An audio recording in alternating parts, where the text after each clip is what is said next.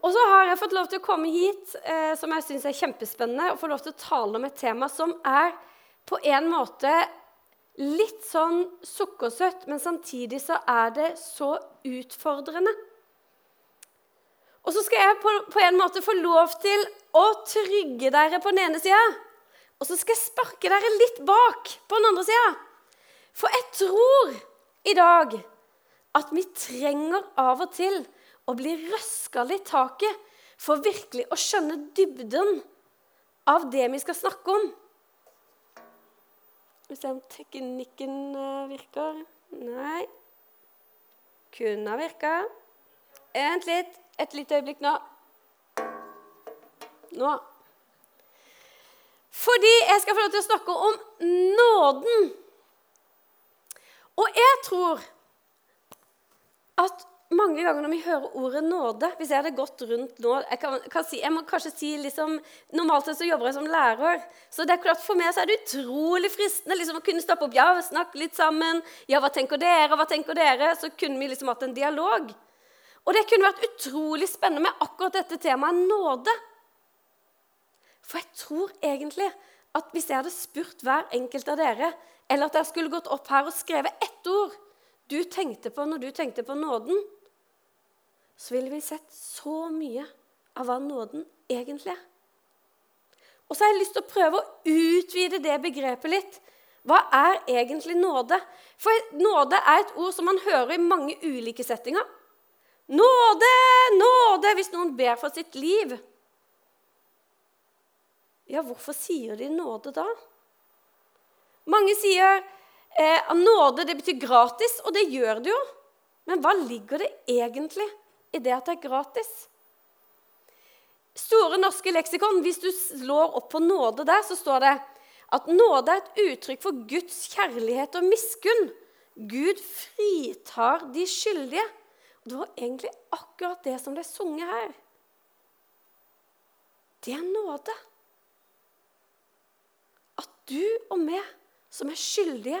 Det er ingen av oss som er perfekte i oss sjøl. Vi kan få lov til å bli perfekte gjennom det Jesus gjorde. Han fritar oss for det vi er skyldige i. Nåde betyr å kjares på gresk, og det betyr ufortjent velvilje, vennlighet, godhet, gunst og yndest. Mange fine ord. Men ufortjent velvilje. Igjen så er det dette ordet 'ufortjent'. Det er ikke noe du og vi kan gjøre oss fortjent til. Det er helt ufortjent. Ingen av oss kan noen gang leve og gjøre oss fortjent til nåden. Men Gud har allikevel valgt å sende det, altså det som betydde kanskje utenom oss mennesker mest for ham, sin egen sønn, for at nettopp vi skulle få lov til å ta del i nåden. Og jeg tror at det er det som er noe av, av på en måte trikset. For mange år siden så ble, var jeg på en sånn samtale i en mormonerkirke. Og det var ikke fordi jeg hadde tenkt å bli mormoner. Det var i Arendal. Men jeg må jo innrømme at jeg hadde hørt mye om mormonerne. Men jeg lurte jo liksom fælt på hva er det egentlig som er forskjellen mellom min tro og det de tror på. Så jeg tenkte jeg, jeg var med, og ei anna hun, for hun spurte om ikke gjør det. Liksom. Hun syntes det var virkelig gøy. Så tenkte jeg jo, jo, kan jo det. Og vi troppa opp eh, og hadde en samtale da, De hadde jo et fint ord på dette her, med oss. Og jeg var veldig tydelig på min tro gjennom hele, både før vi kom, når vi kom, og litt underveis. Eh, og så etter hvert så kjente jeg nesten at jeg kjente sånn en sorg, egentlig. For jeg tenkte Dere har jo ikke skjønt hva nåden egentlig handler om. Og de snakker om nåde. Og de viste en film som på en måte skulle illustrere nåden sånn som de så på nåden. Og så var jo dette typisk amerikansk, eh, hvor det var ei jente som ønska seg så en sykkel. Og den sykkelen kosta så mye penger at hun hadde ikke råd, og hun fikk den ikke av foreldrene. Men foreldrene sa til henne men du kan spare, så kan du kanskje få råd til å kjøpe den sykkelen. Så hun satte opp sånn lemonade eh, på utsida av huset og solgte det. Og så kom dagen da hun skulle liksom sjekke har jeg fått nok til å kjøpe drømmesykkelen. Og når jenta begynte å telle opp pengene Faren satt der og jammen, hun hadde ikke nok. Hun mangla litt. Og så sier faren, 'Men vet du hva? Du skal få lov til å få resten av meg.' Og så illustrerte det for de mormonene Guds kjærlighet. At på en måte du kan, må gjøre en del ting, og så kommer Gud og gir deg resten. Så måtte jeg stoppe de som sier, men vet du hva? Her er det en magisk forskjell på din tro og min tro. For min Gud, han gir meg ikke bare resten. Han gir meg alt. Og Har du noen gang tenkt på det? Han gir deg alt.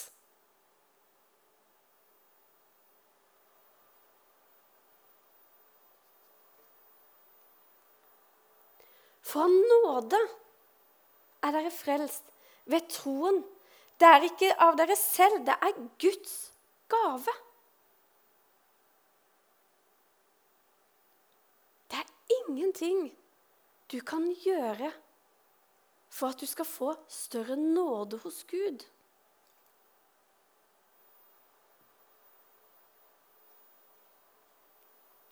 Jesus gjorde det nemlig mulig for oss. Det er gjennom han vi kan få tak i den nåden, og kun gjennom Jesus. Og jeg tror i dagens samfunn hvor det er så utrolig mange krefter og stemmer ute og går, så er det liksom Ja, hvis du bare gjør sånn, eller hvis du bare gjør sånn Nei! Det er ikke det Bibelen sier. Bibelen sier at den eneste veien er gjennom Jesus og det han gjorde på korset.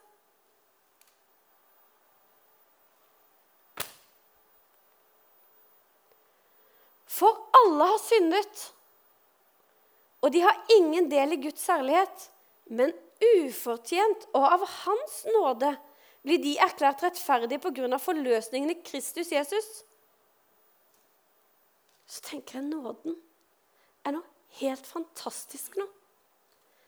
Det er noe som på en måte må oppleves. Det er noe du må på en måte stole på.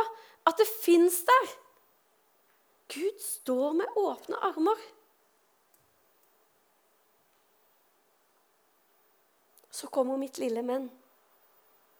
Betyr det at vi da kan gjøre akkurat hva vi vil? Betyr det at jeg kan leve akkurat som jeg vil, og det jeg har lyst til, sånn at det er mine lyster som styrer det jeg gjør? Og da mener jeg helt oppriktig, ut fra Bibelen nei. Det tror jeg overhodet ikke. Det står til og med 'Jeg har lov til alt, men ikke alt gagner'.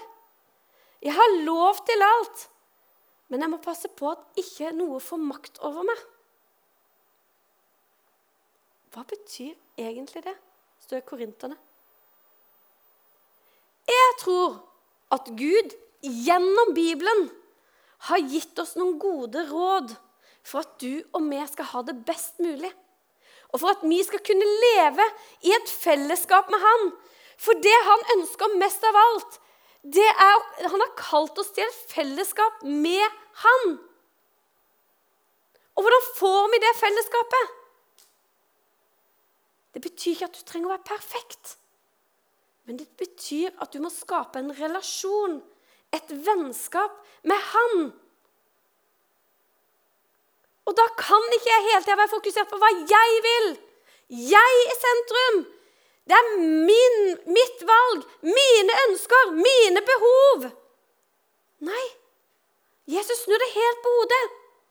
Det er mine ønsker, sier han. Det er mine behov. Det er mine valg. Og så skal du utføre det. Og Derfor tror jeg Gud utfordrer oss så utrolig at når vi gjør noe som er imot hans vilje, så har han skapt oss med en samvittighet. Og den kan man jo kjenne på. Med de fleste her inne har kjent på dårlig samvittighet hvis man har gjort noe som man angrer på, eller som man visst har vært ikke det beste for meg sjøl. Og det som skjer, er at for hver gang jeg gjør noe som er mot Guds vilje, så flytter jeg meg ett skritt unna vennskap med Gud. Gud står der! Jesus står der med åpne armer hele tida! Lengter etter vårt fellesskap! Men det er vi som velger å flytte oss. Og hvis han igjen prøver å fortelle deg, men May-Britt, vær så snill, kom til meg! Gjør dette, du vil ha det så mye bedre! Og jeg velger å ikke høre på den stemmen og si nei. Men det er jo mine behov, mine lyster, det er ønsker som er viktigst.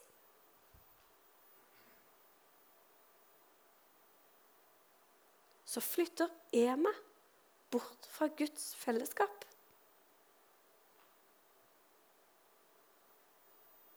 Og det har jeg lyst til å utfordre oss litt på i dag. For jeg tror at vi har en Gud som virkelig står med åpne armer. Som lengter etter å dele dette fellesskapet med oss og samfunnet, som det heter så fint. Og som er det med oss. Han ønsker det fellesskapet. Han ønsker det fellesskapet med at du bruker tid på han. Det er som et vanlig vennskap. Hvis jeg aldri gjør det min, Hvis jeg, jeg har et vennskap med noen, og de stadig foreslår noe eller har lyst til å være sammen, og jeg stadig har en unnskyldning for hvorfor jeg ikke kan det, så blir det ikke et mye godt vennskap etter hvert. Da vil jo vi vokse fra hverandre, som han sier så fint.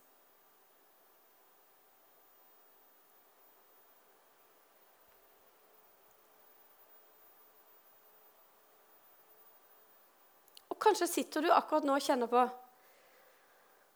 du vet at det er ting Gud utfordrer deg på. Du vet at Gud pirker på ting i livet ditt som ikke er bra for deg. Så jeg har lyst til å si han står der med åpne armer.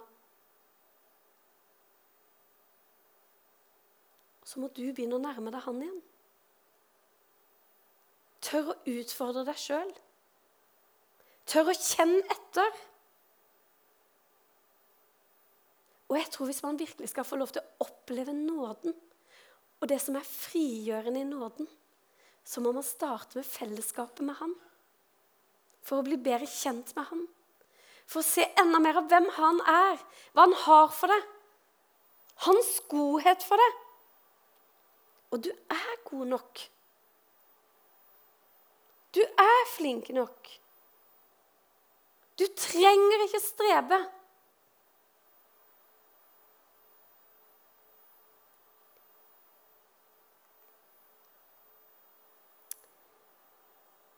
Min nåde er nok for deg, for kraften fullendes i din svakhet. For det er nemlig når du er svak og tør å legge alle korta på bordet og si, 'Gud, dette får jeg ikke til.' Da han kan komme med sin magi, med sin nåde, med sin kjærlighet, og omslutte det som han lengter etter hele tida. Men det må starte med oss. Det må starte med at vi tør å sette ord på det som er vanskelig. Det vi vet at ikke Gud syns er greit. At vi må tørre å innrømme vår svakhet, de feilene vi gjør, våre mangler.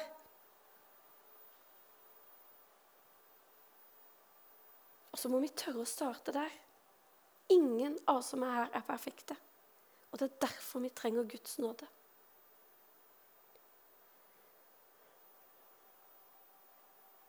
Jeg skal si litt mer helt på slutten, men før det så har jeg lyst til å spille en sang.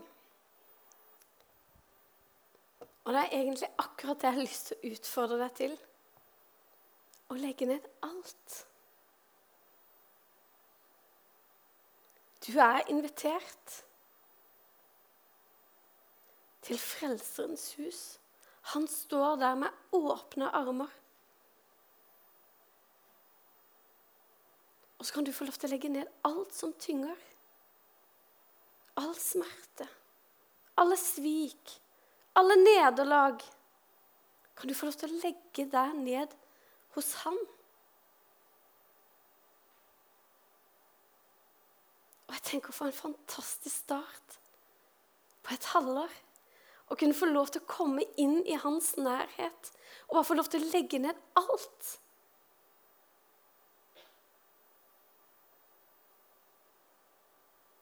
Og så har jeg så lyst at dette skal være noe mellom du og Gud.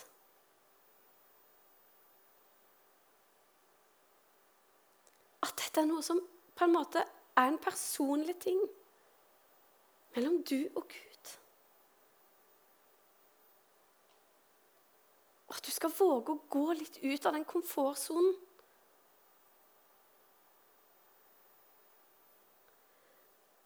Vi har en globe foran her hvor du kan få tenne et lys for deg sjøl.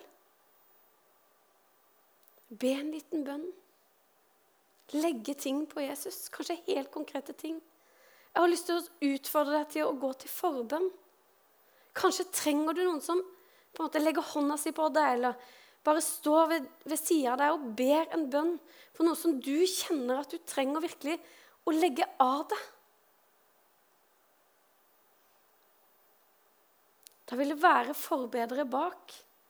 Det er jo noen bønnelapper bak der hvor du kan få lov til å skrive bønneemner på. De gule det er bønneemner som blir lest for og bedt for gjennom uka. De grønne det er takkeemner. Og de røde de kan få lov til å legge opp, til, opp, oppi krukka, men de blir tatt ute etterpå, makulert. Og så er det ingen som leser det. Da blir det mellom du og Gud. Jeg har virkelig lyst til å se en generasjon nå som reiser seg, som legger alt ned foran hans føtter, og som ønsker å si 'Her er jeg'.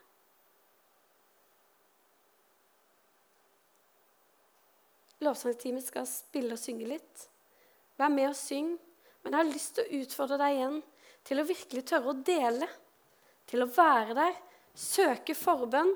Kanskje har du aldri gått til forbønn før. La dette være første gangen eller tenne et lys for deg sjøl. Vi kan ta oss og reise oss opp, for da er det lettere å være med.